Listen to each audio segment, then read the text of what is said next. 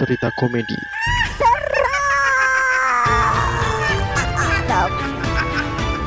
Balik lagi di sisi sadar bersama saya Riz Gavara. Bersama saya Sena yang saat ini lagi konsolidasi dengan Hantu Entertain. Tapi kayaknya memang ada sih ya.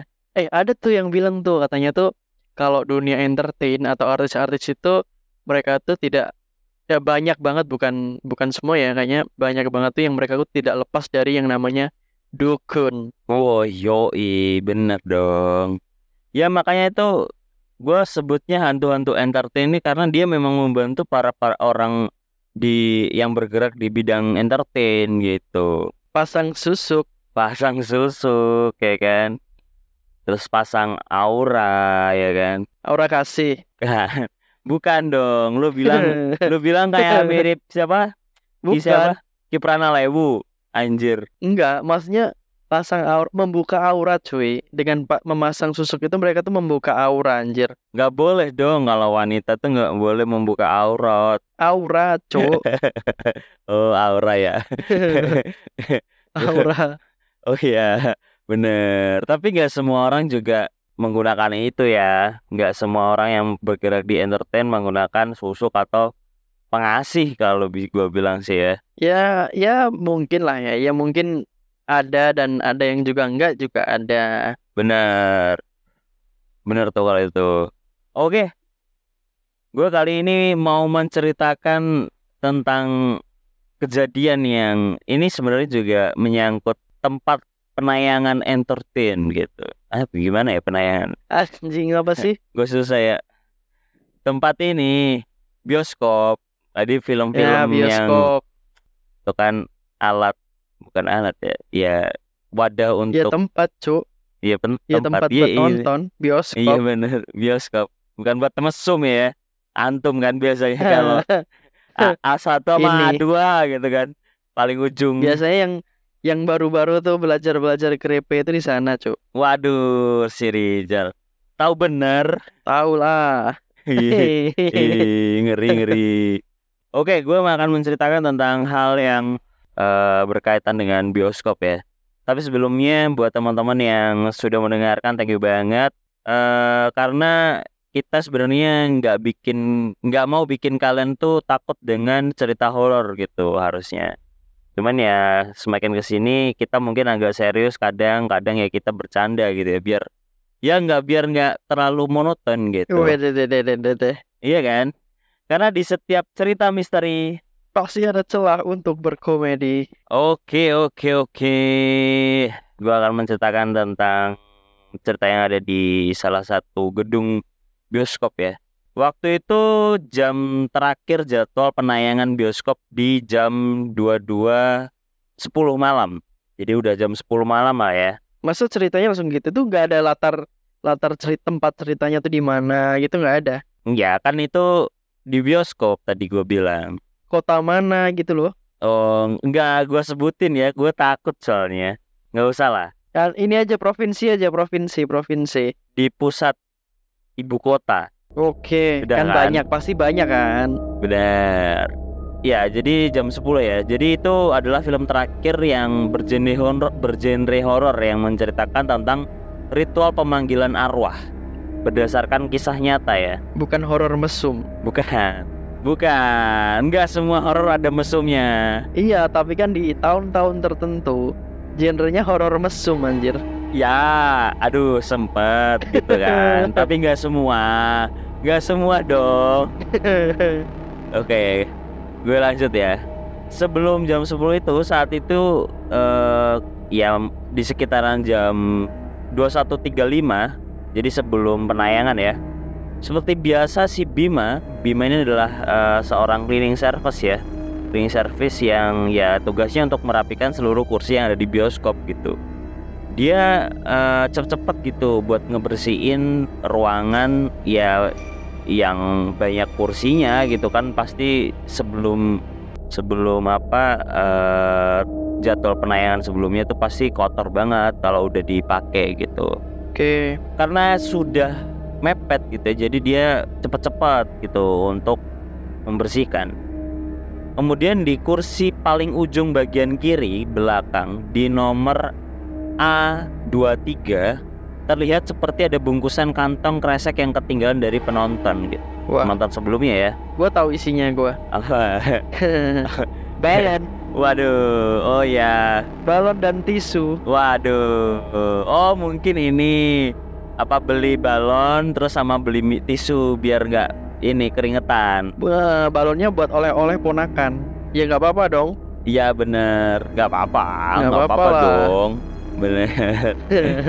Adanya sebelum mencapai kursi paling ujung, Bima ini mencium bau yang sangat wangi gitu, seperti wangi melati. Lalu saat mengambil kantong kresek itu, Bima ketika sadar bahwa aroma melati itu semakin kuat asalnya dari kantong kresek ini gitu.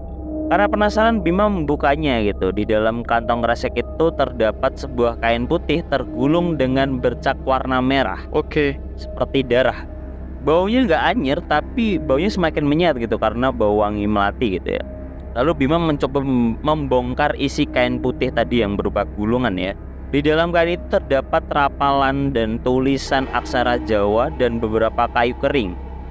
Kemudian ada bekas potongan kuku dan sebuah gigi geraham. Sama jigongnya, plus jigong yang masih mengerak. Blasnya ya. Iya bener Yang masih mengerak Bonus. Bau melati tuh kayaknya dia sebelumnya kayaknya nge eh, ngemakan melati terus copot gitu karena saking banyaknya gitu. Anjing aneh banget. Ya, ya gimana dong? Bisa aja lah di di di diyain aja lah. Ya, Karena kaget dia langsung membuangnya ke dalam trash bag yang si Bima bawa gitu. Kemudian jam 22.00 udah ada tiga orang yang masuk ke dalam gitu. Dua sepasang kekasih dan satu orang yang memang datang sendirian. Jadi tiga orang tuh yang dua itu sepasang kekasih kekasih, satu orangnya memang sendirian. Kemudian jam 22.10 film pun diputar. Kemudian Bima naik ke dalam ruang kontrol di bagian belakang, be- ruangan proyeksi ya kalau nggak salah ya kalau namanya, gue lupa sih namanya. Yang dia nyetelin ini apa eh, proyektornya ke dinding bioskop gitu. Ya di sana di sana ada Pak Guntur gitu, seperti biasa menjaga diri sendirian gitu. Pak Guntur ini emang salah satu karyawan yang sudah lama gitu, karena dia bekerja udah lebih dari be- bertahun-tahun lah di sana gitu. Oke. Kemudian Bima ini mencoba untuk menceritakan apa yang Bima temukan tadi gitu pada Pak Guntur. Tapi Pak Guntur hanya bisa terdiam gitu dan dia hanya berkata mungkin itu ada ya orang iseng kali ya gitu. Oke. Setelah itu Bima pergi meninggalkan Pak Guntur dan masuk ke ruangan bagian CCTV karena dia penasaran nih siapa yang na- naruh bungkusan kresek yang isinya aneh tadi gitu. Di sana ada Pak Joko yang sedang merokok di depan layar monitor gitu. Hah, depan banget kali ya. Deket banget ya. Bener depan depan banget ya sampai nempel. Enggak lah ya maksudnya maksudnya ruangan monitor kan monitornya kan banyak Oh, gitu kan. iya. Jadi dia sambil ngerokok gitu. Gitu, sambil sambil nyantai. Kemudian Bima juga menceritakan gitu ya kejadian yang dia alami. Kemudian Pak Joko mending kita coba cek aja kali ya gitu. Lihat rekaman CCTV di jam penayangan sebelumnya gitu. Terlihat memang cukup ramai sih saat itu, tapi tidak ada orang yang menduduki kursi A23 dan kebanyakan orang-orang itu duduknya di bagian tengah gitu nggak di ujung bagian kiri. Jadi nggak mungkin ada orang yang duduk di sekitar A23 ya. Iya. sampai pada akhirnya terlihat seperti ada sosok kain putih gitu kemudian membentuk seperti kain putih yang menutupi seseorang. Jadi kayak tudung. Kayak logonya sisi sadar gitulah. Oke. nah cuman pakai kain putih gitu Kayak ini bro, kayak ibu di film Pengabdi. Ya kayak ibu bener Pengabdi ya bener Kemudian Pak Joko mencoba menaikkan volume yang ternyata pada saat itu adalah scene di mana seseorang sedang merapalkan ritual pemanggilan arwah. Oke. Kemudian Pak Joko dan Bima saat itu sontak kaget gitu dan tiba-tiba lampu ruangan kontrol mati. Oke. Kemudian eh, tiba-tiba juga mon- monitor itu menyala gitu, monitor CCTV-nya gitu. Kan kirain itu karena mati lampu gitu ya. Cuman kok Hmm, layar monitornya ini menyala gitu dan CCTV itu langsung terlihat saat itu adalah rekaman langsung ruangan bioskop yang sedang diputar tayangan yang tayang saat itu gitu. Kemudian eh, Pak Joko ini mulai mencoba memperhatikan dengan baik-baik gitu ya dengan perlahan memaju ke arah meja kontrolnya. Dan dia melihat ternyata seluruh kursi di dalam ruangan bioskop itu sudah diisi oleh sosok yang mirip dengan sosok yang terlihat saat penayangan sebelumnya tadi. Anjir. Sosok putih yang mirip kayak ibu gitu. Terus terus. Sosok dengan tudung warna putih itu pada eh, dan semuanya itu serentak menghadap ke arah CCTV yang dipantau oleh Joko dan Pak Bima ini gitu. Eh Pak Ba, kenapa Pak Bima ya? Pak Joko dan Bima ini gitu. Oke. Kemudian karena saking takutnya gitu ya, si Bima dan Pak Joko itu sentak ingin keluar dari ruangan kontrol CCTV. Namun pintu itu terkunci sepertinya dari luar gitu. Kemudian karena saking bingungnya gitu ya, mereka juga akhirnya menatap ke arah monitor lagi, monitor CCTV lagi gitu. Dan melihat kayak ada hal yang aneh gitu. Oke. Pak Joko juga melihat hal yang sama ada satu orang yang berdiri di depan di paling depan uh, layar bioskop gitu ya. Eh, Kemudian Pak Joko tuh mencoba untuk mengzoom ini ke arah pria tersebut gitu.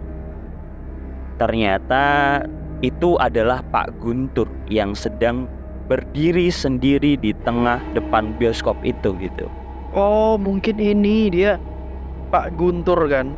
Gue curiga dia ini Ya temenan sama Zeus, Bro. Dia ngeslot di tengah-tengah. anjing. Anjing enggak enggak lah. Kenapa kenapa kayak gitu? Enggak. Kemudian dia berdiri dan seperti merapalkan mantra gitu. Karena volume yang tadi di CCTV juga udah dinaikin gitu ya. Jadi sound di dalam ruangan itu tuh terdengar tidak hanya Pak Guntur yang merapalkan mantra gitu. Ternyata seluruh sosok yang ada di sana di bioskop itu gitu ya juga merapalkan mantra yang sama juga gitu.